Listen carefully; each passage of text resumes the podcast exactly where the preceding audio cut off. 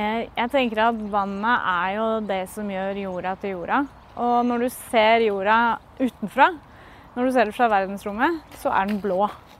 Og når forskere leter etter liv på andre planeter, så er det spor av vann de ser etter til. Fordi uten vann så har vi ikke liv. Det er det aller, aller viktigste for oss.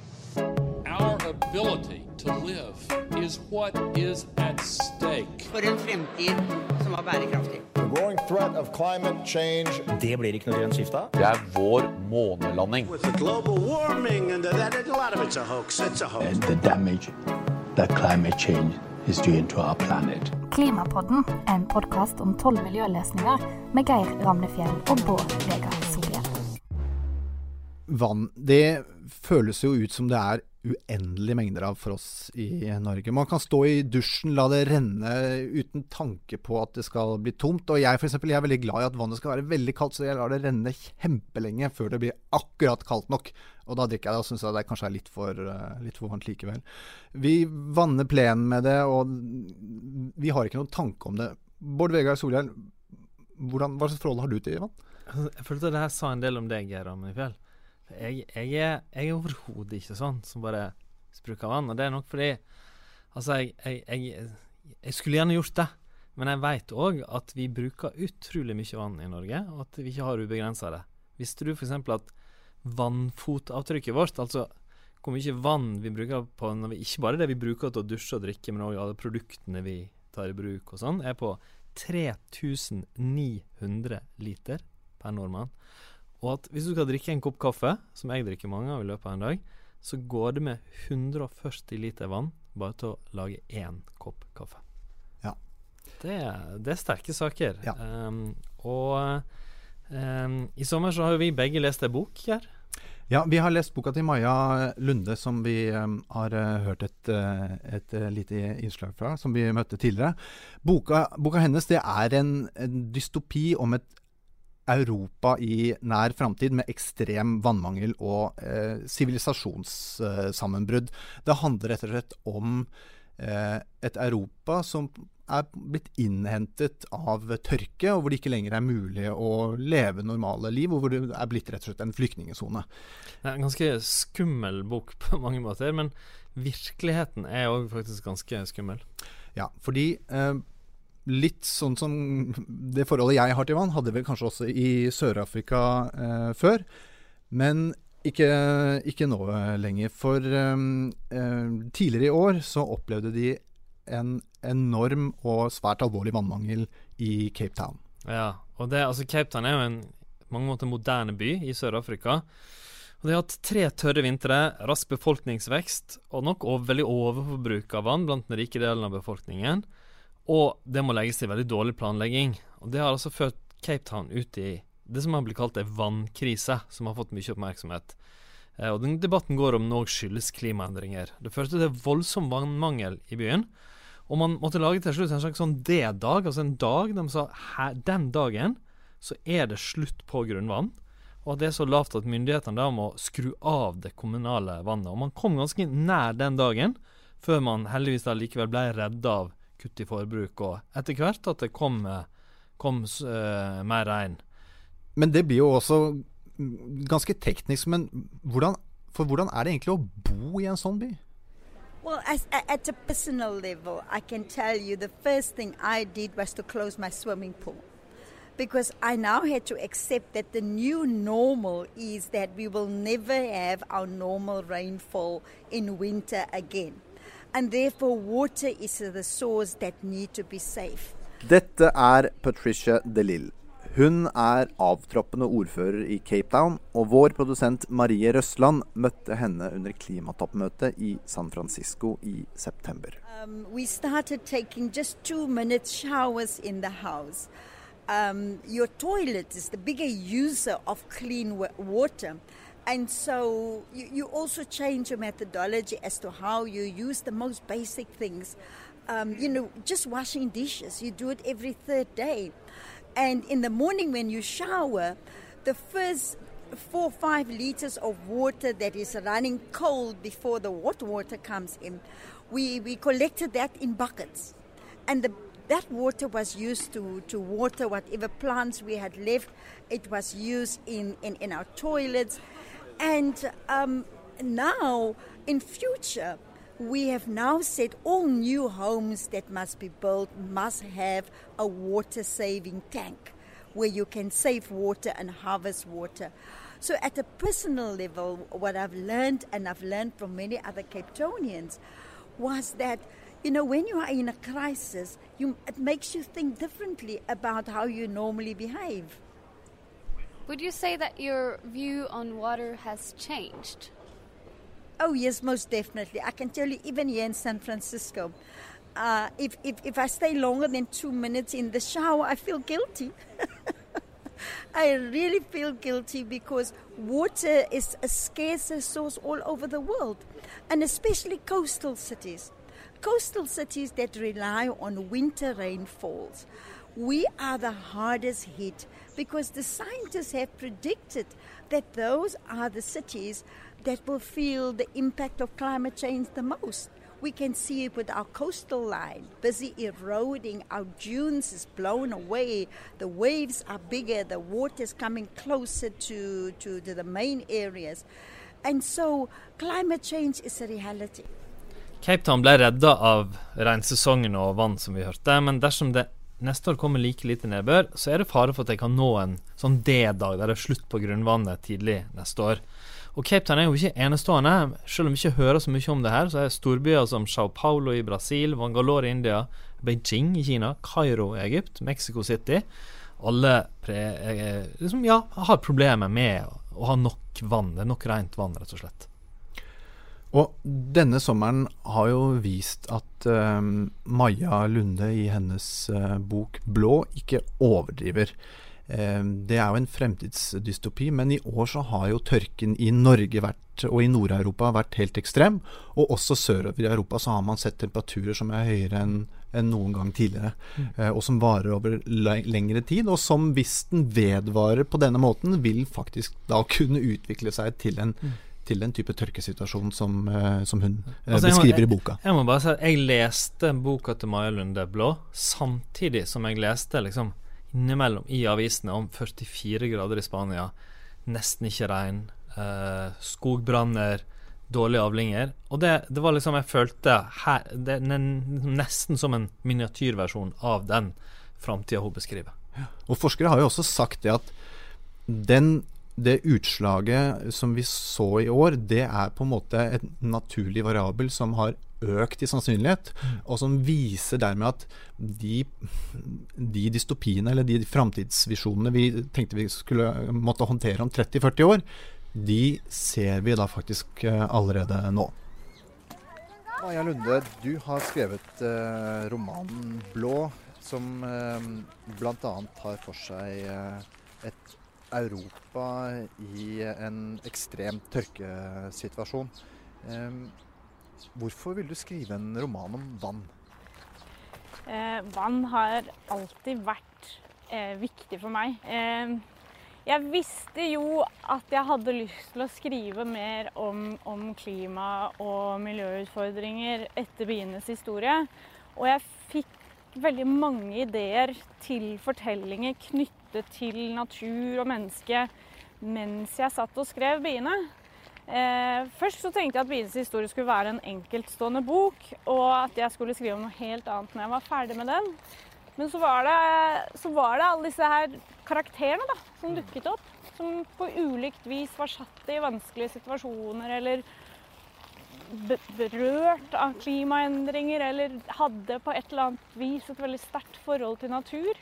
Eh, og, og, da skjønte jeg etter hvert at byens historie' ikke var en enkeltstående men en del av et større prosjekt.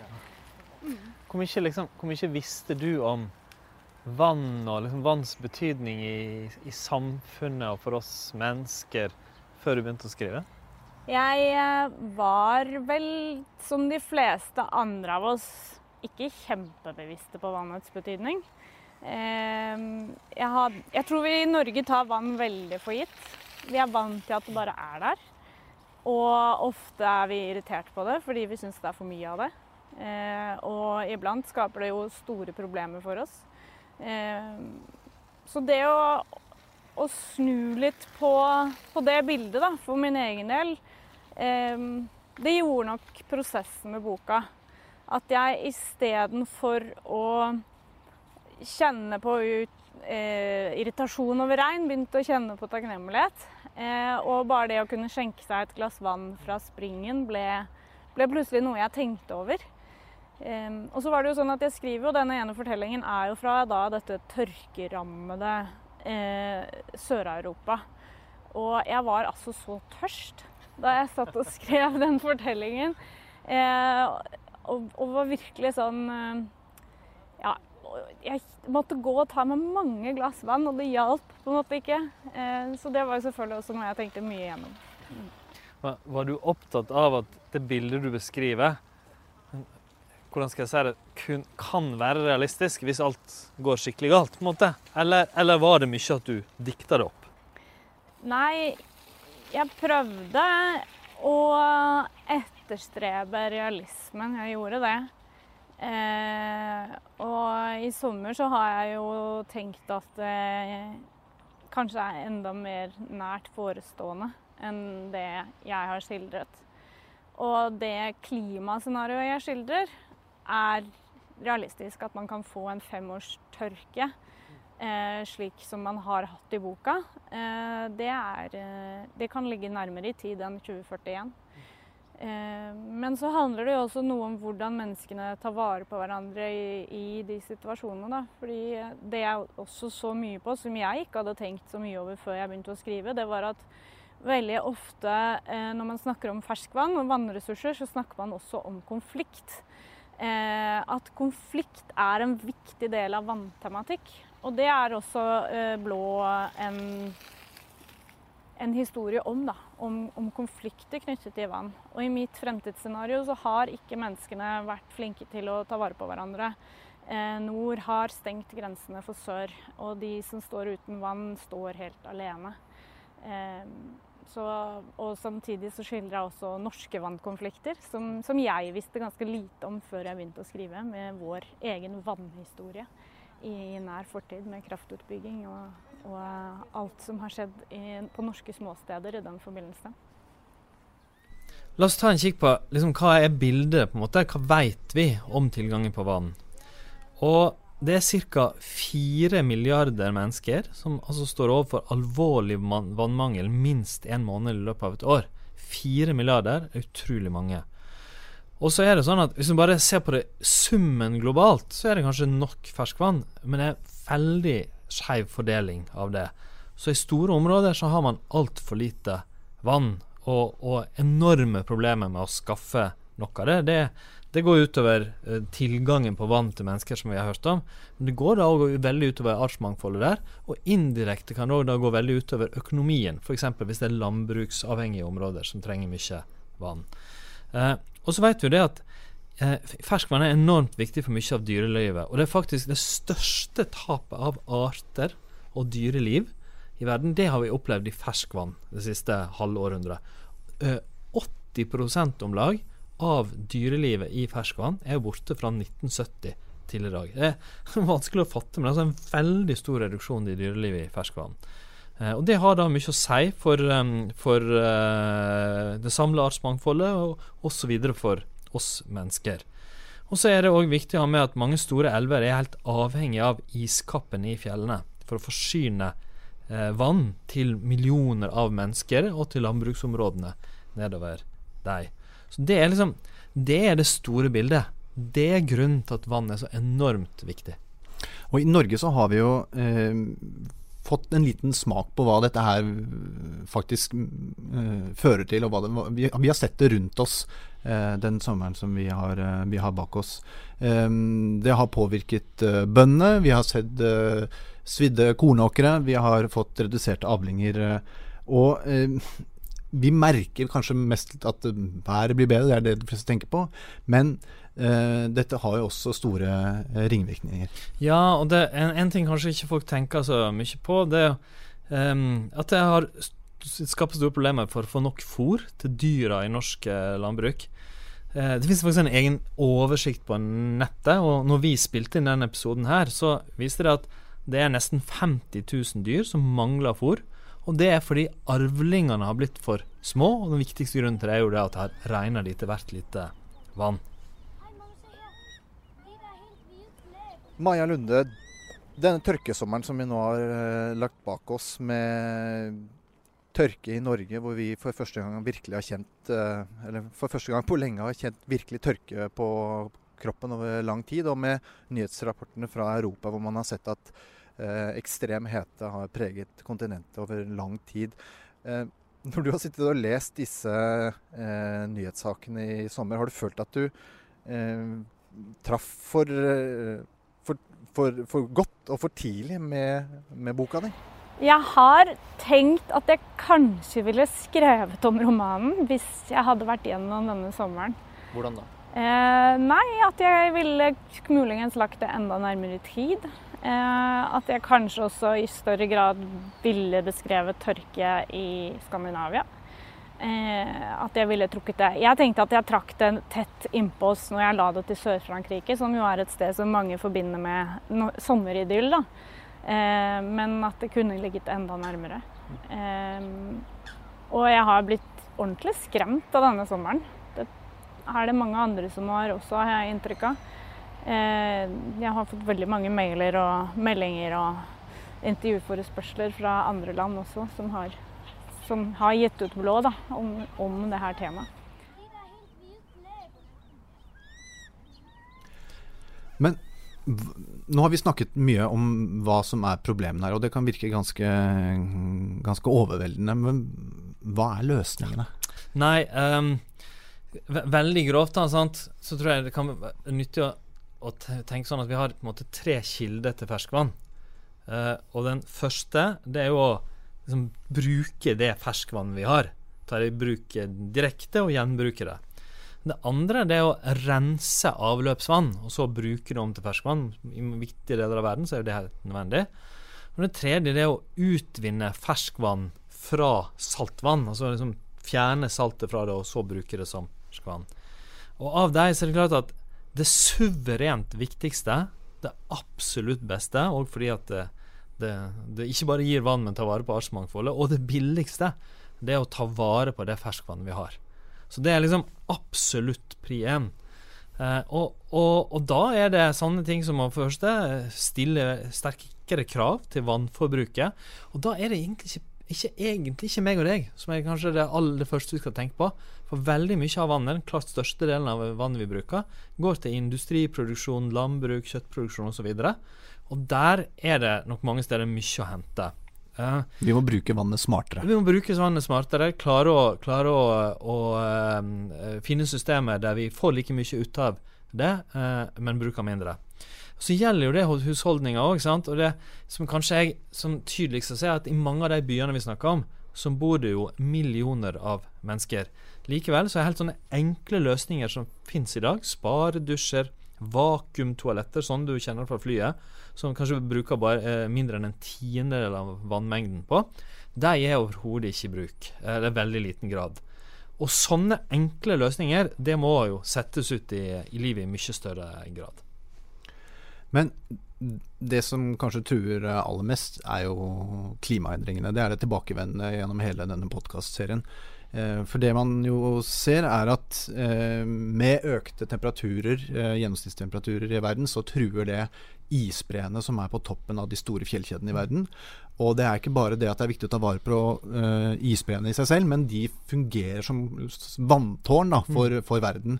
Det er de som sørger for stor vannførsel i de varme, tørre områdene i verden som er helt avhengig av vanntilførselen gjennom de store elvesystemene. Eh, store elvesystemer i Pakistan, i India, i Kina, i Nord-Amerika og i Sør-Amerika. Mm. Så det er altså flere milliarder menneskers eh, tilgang på rent vann er helt avhengig av eh, isbreene i, eh, i, de store fjellkjedene, som er truet av et varmere klima. Altså, du har helt rett. sant? Altså, vannmangel har vært et problem over tid i noen områder i verden, men den forverringa som man opplever. Og den, de framtidsutsiktene til at det kan bli et problem mange flere steder, det skyldes eh, aller mest klimaendringer. da er vi liksom tilbake igjen til eh, vårt eh, faste problem, føler jeg, i den podkasten her, Geir. Det, det er liksom klimaendringene og tapet av artsmangfold, naturmangfold, ofte står bak alle problemene. Så Mm. det å ta tak i klimaendringene, ja. Hvis det er sånn at uh, isbreene smelter på toppen av verdens eh, fjellkjeder, uh, sånn at vanntilførselen uh, forsvinner, så er det jo da, da må vi finne en annen løsning. Og det, det som er det vanskeligste, vanskelige da, det er at da må man gå løs på den tredje formen, altså den vanskeligste formen å skaffe ferskvann på, og det er å avsalte sa, havvann. Um, det er jo mye mer energikrevende, mye dyrere selvfølgelig, mye mer tungvint. Og det viser jo også at den enkleste måten å hindre eh, problemene som eh, klimaendringer kan føre med seg, og den billigste måten å hindre, klima, eh, hindre problemene som klimaendringene fører med seg, det er å ta de forebyggende tiltak som gjør at vi slipper nettopp å måtte gå løs på løsning nummer to og tre. Helt riktig. Og, og, ja, noen av de har vi snakka om her. Det må ikke så mange andre løsninger som har dette felles. Det skal ta bedre vare på den utrolig verdifulle ressursen ferskvann er. Nå har vi vært gjennom eh, vann, og vi skal jo gå gjennom tolv miljøløsninger i denne eh, podkasten. Og hvis du må eh, rangere, Bård Vegar, på en skala fra én til tolv, da, hvor én er det minst viktige og tolv er det mest viktige av disse alle viktige miljøløsninger, hvor, hvor, hvor, hvor vil du plassere vann? Hm. Jeg må ta meg en slurk vann mens jeg tenker på det. Altså, jeg tror jeg må si ni. Det er, det er der oppe blant de virkelig store globale problemene. Selv om vi hører mye mindre om det og liksom ikke merker det så mye i, i Norge. Så det er, ja, det er, det er virkelig et stort globalt felles miljøproblem. Uh, Maja Lunde, du foreslo at vi skulle møtes ved Østensjøvannet. Mm. Hvorfor Østensjøvannet? Nei, for det første så er dette mitt nabolag. Uh, og jeg er veldig glad i Østensjøvannet. Jeg pleier ofte å gå tur rundt her. Uh, og så syns jeg Østensjøvannet minner meg litt om Eller det er en slags påminner om hva vi har som er bra i Norge. da. Det at du kan sitte tolv minutter på en T-bane fra sentrum, og så kan du være her hvor det bare er eh, ja, naturreservat og i tillegg et par bondegårder. Det er jo utrolig fint. Vi er veldig, veldig heldige. Eh, og i tillegg så er jo det her et yndet sted for mange som eh, studerer fugleliv. Her er det jo eh, arter som man ikke finner så veldig mange andre steder. Så sånn sett også var det absolutt førstevalget mitt på riktig møtested når vi snakker om vann i Oslo. Klimapodden er laget av Dagbladet med produsent Marie Røsland. Programleder er politisk redaktør Geir Emnefjell i Dagbladet, og ekspertkommentator er Bård Vegar Solhjell med faglig bidrag fra Ragnhild Vågård i WWF. Og du, hvis du likte denne podkasten, abonner på den, del den veldig gjerne med vennene dine, og gi oss gode tilbakemeldinger.